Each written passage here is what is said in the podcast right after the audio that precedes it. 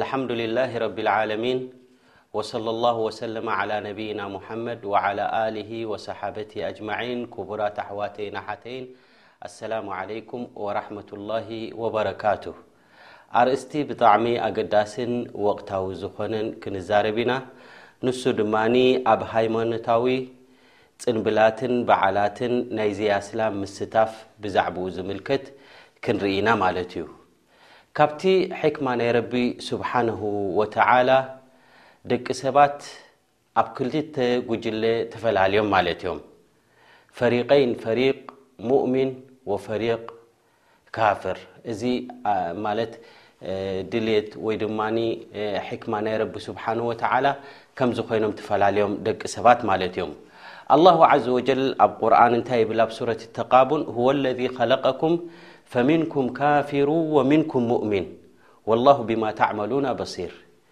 እዚ ኩላትና ርዱእ ዝኾነ ጉዳይ ናይ ህይወታዊ ኣብዚ ዱንያ እዚ ንረብረሉ ዘለና ደቂ ሰባት ኣብ ክልተ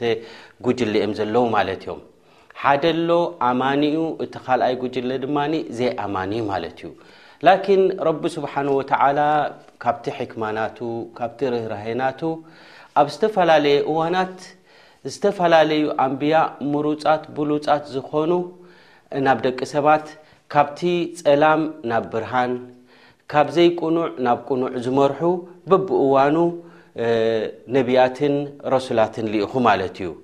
ወሊዛሊክ ከምኡ እውን መን እዩ በዓል እቲ ሰናይ ግብሪ መን እዩ ከኣ እቲ እከይ ዝኾነ ድማ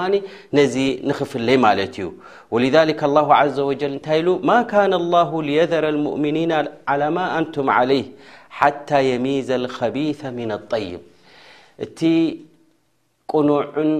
ካብቲ ዘይቅኑዕን ክሳብ ዝፈላለይ ረቢ ስብሓን ወተዓላ ከም ዘለናዩ ኣይገድፈናን ማለት እዩ ወማ ካነ ላሁ ልዩጥሊዓኩም ዓላ ልይብ ናይ መፃኢ ናይ ፅባሕ ናይ ድሕሪ ዓመት እንታይ ዝኸውን ኩነታት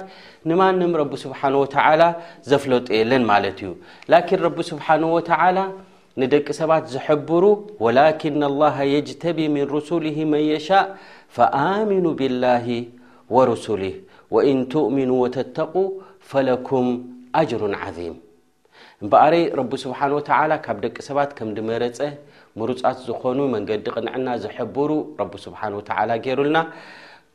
እዞም ልኡኻት እዚኣቶም ንዓቶም ዝተኸተለ ብኣላህ ስብሓነሁ ወተዓላ ዝኣምን ዝኣመነ ድማ ፈለኩም ኣጅሩን ዓዚም ኢሉ ማለት እዚ ዩ ኢልካ ክትልክዖ ዘይትኽእል መጠን ኣላህ ስብሓነ ወተዓላ ዝተዓፃፀፈ ኣጅሪ ድማ ነቶም ተኸተልቲ ድማ ይዕድሎምን ይህቦምን ማለት እዩ ኢዘን ኣላሁ ስብሓን ወተዓላ ንኹሉ ህዝቢ ነቢያት ልኢኹሎም እዩ ማለት እዩ ካብቲ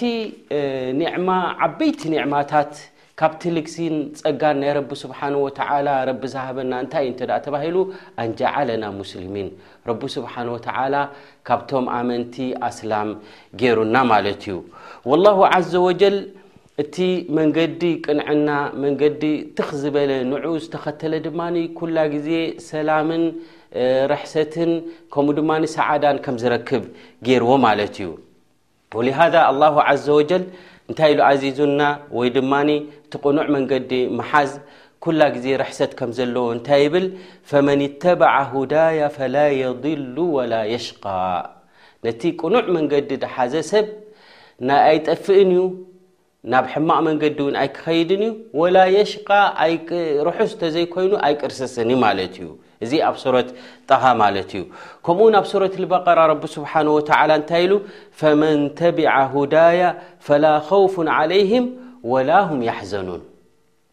ኣብቲ ሰባት ዝጭነቕሉ መዓልቲ ዮመልቅያማ ፍርሕን ሽግርን ክኸውን እንከሎ ኣብዚ ግዜ እዚ እቶም ኣመንቲ ዝኾኑ እቲ ቅኑዕ መንገዲ ረቢ ስብሓን ወተዓላ ዝለኣኸልና ንዑ ዝኽተሉ ዝኾኑ እዚኣቶም ሓዘንን ፍርሕን ዝበሃል የብሎምን ማለት እዮም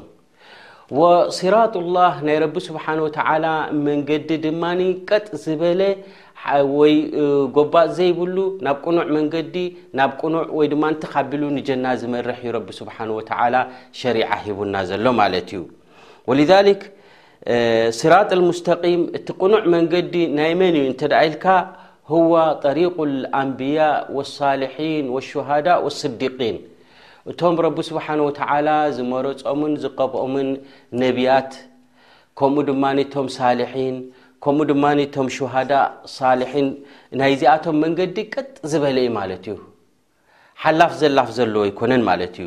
ናይ ኣይሁዳውያንን ናይ ነሳራን ድማ እቲ ረቢ ስብሓን ወተዓላ ዝተቆጣዓሎምን እቲኦም ድማ ዝጠፍኡን ዝኾኑ መንገዲ ናታቶም ድማ ካብቲ ቅኑዕ መንገዲ ዝተኣለየ ማለት እዩ ስለዚ ክቡር ሓወይ ኩላ ግዜ ኣብ ሰላትና እንታይ ንብል ማለት እዩ እህዲና ስራጥ ልሙስተቂም ንብል ኦ ጎይታና ናብቲ ቅኑዕ መንገዲ ሓብረና ኣብቲ ቅኑዕ መንገዲ ኣርኢኻና ኣለኻ እሞ ካብኡ ንኸይንወፅእ ሓልወና ኢኻ እናበልና ኩላ ግዜ ኣብ ሱረት ልፋትሓ እዛ ኣያ እዚኣ ንደግማ ማለት እዩ እህዲና ስራጥ ልሙስተቂም ዳሕራይ ከዓን እንታይ ንብል ማለት እዩ غይሪልመቕዱቢ ዓለይህም ወለዳሊን ናይቶም ዝተቖጣዕካሎም ኣይሁዳውያን ከምኡ ድማ ናይቶም ነሳራ ካብቲ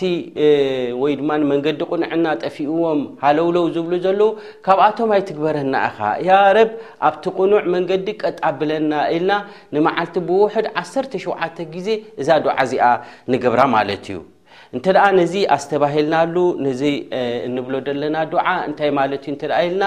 እምበኣረይ እቲ ዘይቅኑዕ ወይ ድማ ንቲ ናይ ካልኦት ፅምብላትን በዓላትን ዘካይድዎ ዘለዉ ንሱ ናታቶም ናይ ጥፍኣት መንገዲ እዩ ናትና ድማ በይን ዝኾነ ዋድሕ ዝኾነ ንፁር ዝኾነ መንገዲ ረቢ ስብሓን ወተዓላ ዝሃበና ስለ ዘለና ናብኡ ጥራሕ ሓብረና ናብ ካሊእ ኣይተዘንብለና ያረብ እናበልና ድማ ዱዓታ ዱዓና ነብዝሕ ማለት እዩ እምበኣረይ እቲ መንገዲ ናይቶም ጥፉኣትን ከምኡ ድማ ረቢ ዝተቆጠዓሎምን እቲ ዝሰርሕዎ ስራሓት ተቐባልነት የብሉን እሞ ንተቐባልነት ዘይብሉ ንዕኡ ከንፀባርቕዎን ንዕኡ ከማዕብልዎን ኢሎም ሃይማኖታዊ ፅምብላት ዝገብርዎ ንዕኡ ክንክተል የብልናን ማለት እዩ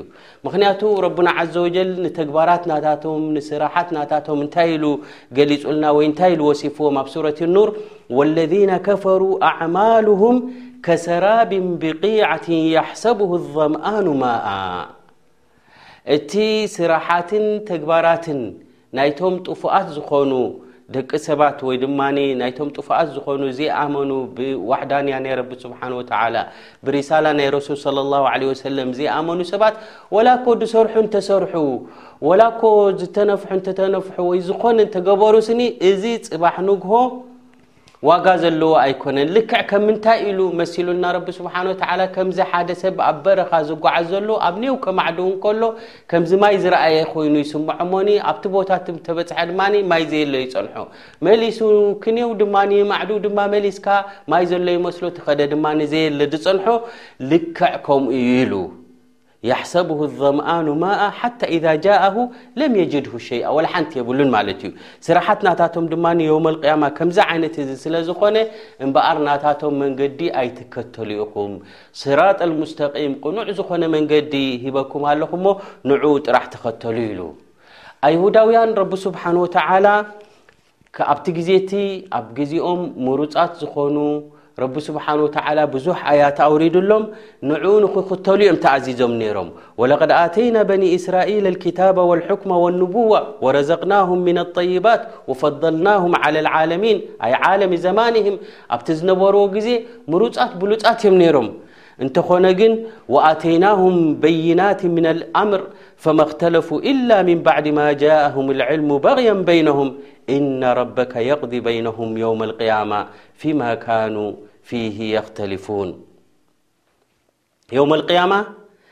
ፍርዲ ናታቶም ክወስዱ እዮም። እቲ ቅኑዕ መንገዲ፣ እቲ ብርሃን ዝኾነ መንገዲ እናረኣዩ ስለ ዝገደፍዎ፣ እዚኣቶም ፍርዲ ናታቶም ጽባሕ ንግሆ ኣለዎም ይብለና ረቢ ስብሓን ወተዓላ። ዳሕራይ እንታይ ኢልዎም ንረሱል ዓለይሂ ሰላቱ ወሰላም፣ ንዓና እውን እዚ ትእዛዝ እዚ እዩ፣ ثመ ጀዓልናከ ዓላ ሸሪዓት ሚን ኣልኣምር ፈተቢዕሃ ወላ ተተቢዕ ኣህዋእ ኣለዚነ ላ የዕለሙን። ያዕኒ ቅኑዕ ዝኾነ ድልዱል ዝኾነ ብሩህ ዝኾነ መንገዲ ሂብናካ ኣለና ንዑኡ ጥራሕ ተኸተል ኢኻ ወላ ተተቢዕ ኣህዋእ ኣለዚና ላ ያዕለሙን እቶም ፍልጠት ዘይብሎም ማዕሪፋ ናይ ረቢ ስብሓን ወተዓላ ማዕሪፋ ቀድር ናይ ረሱል ዓለ ሰላት ወሰላም ዘይብሎም ሰባት ናታቶም ቁልዕ ምልዕ ኢልካ ይትረኣዮ ኢኻ ንስኻ ቀጢልካ ጥራሕ ኣብቲ መንገድኻ ከይተኣለኻ ትእዛዛት እናፈፀምካ ጥራሕ ተጓዓዝ ኢኻ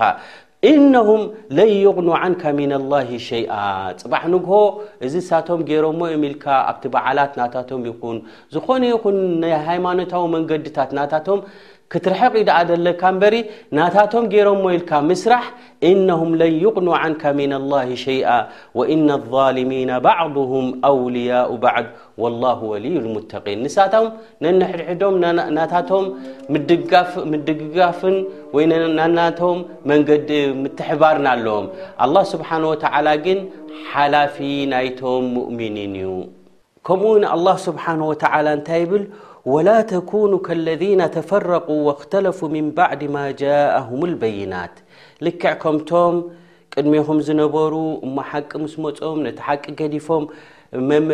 ኣብ ምፍልላይ ደኣተው ከምኣቶም ኣይትኹኑ ወሊዛሊክ ኩላ ግዜ እቲ ቅኑዕ መንገዲ ድሓዘ ሰብ መንገዲ ስራጥ ልሙስተቂም ዘሎ ኣብቲ ዘለዎ ጥራሕ ቀጢሉ ክጓዓዝ እዩ ዘለዎ የማነ ፀጋም ቀልባሕባሕ ክብል የብሉን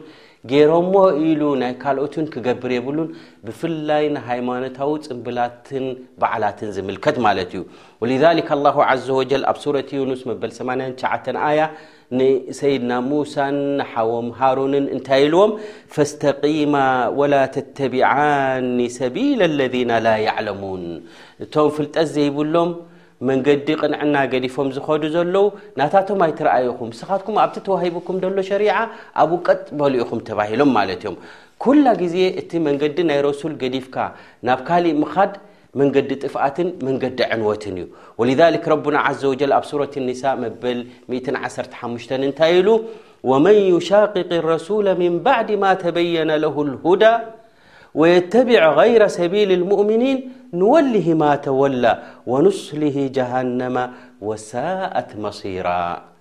እንተ መንገዲ ናይ ረሱል ዓለ ሰላት ወሰላም ገዲፉ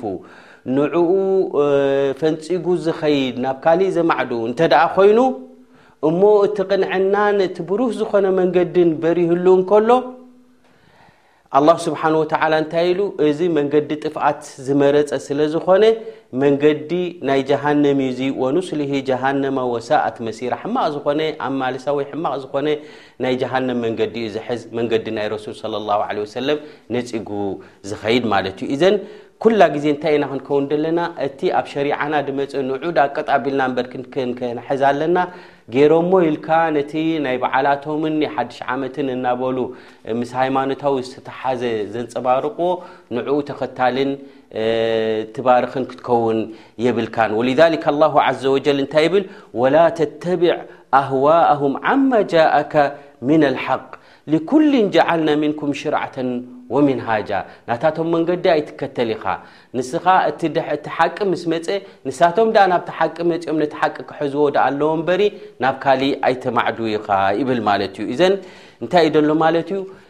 ንረሱል ዓለይሂ ሰላቱ ወሰላም ሒዞሞ ድመጹ ንዑ ኢኻ ክትክተል ደለካ መንገዲ ናይ ኩፋር መንገዲ ናይ ጸጋም ዘበሉ ሰባት ክትሕዝ የብልካን ከምኡ ድማ ነቲ ባህሊ ናታቶም ወይ ድማ ንበዓላቶም ዘንፀባርቕ ነገር ከካይዱ እንከለዉ ኣብኡ ክትሳተፍ የብልካን ዮሃናውን ክትብል የብልካን ማለት እዩ ብፍላይ ሃይማኖታዊ እንተ ኮይኑ ኣብ ናይ ዓለማዊ ርክብ እንተ ኮይኑ ውላድ ረኺቡ ድዩ ገዛ ረኺቡ ድዩ መኪና ረኺቡ ድዩ እንቋዕ ዝረኸብካ ኢልካ ዮሃና ክትብሎ ጸገም የብሉን ኣብ ሃይማኖታዊ ጉዳይ ግን ኣላሁ ስብሓን ወተዓላ እንታይ ኢሉ ወላ የሻዱነ ዙር ኣብቲ ናታቶም ጉዳይ ኣብቲ ሃይማኖታዊ ጉዳይ ኣብኡ ክትውዕልን ክትቀርብን የብልካን ስለዚ ካብዚ ጉዳይ እዚ ክትጥንቀቕን ክትርሕቅን እዩ ዘለካ ማለት እዩ ወላሁ ስብሓን ወተዓላ ናትና ዒድ ናትና ሓጎስ ነብዕለሉን ድማ ስለ ዝገበረልና ኣብቲ ናትካ ደኣ እንበሪ ክትውዕል ኣለካ ኣብቲ ናይ ዘይ ሃይማኖትካ ዝኾነ ኣብኡ ክትሳተፍ መሓረም ስለ ዝኾነ ካብዚ ክንክልከልን كن قطبن يجبأنا ونسأل الله عز وجل بمنه وكرمه أن يوفقنا لما يحبه ويردا وصلى الله وسلم على نبينا محمد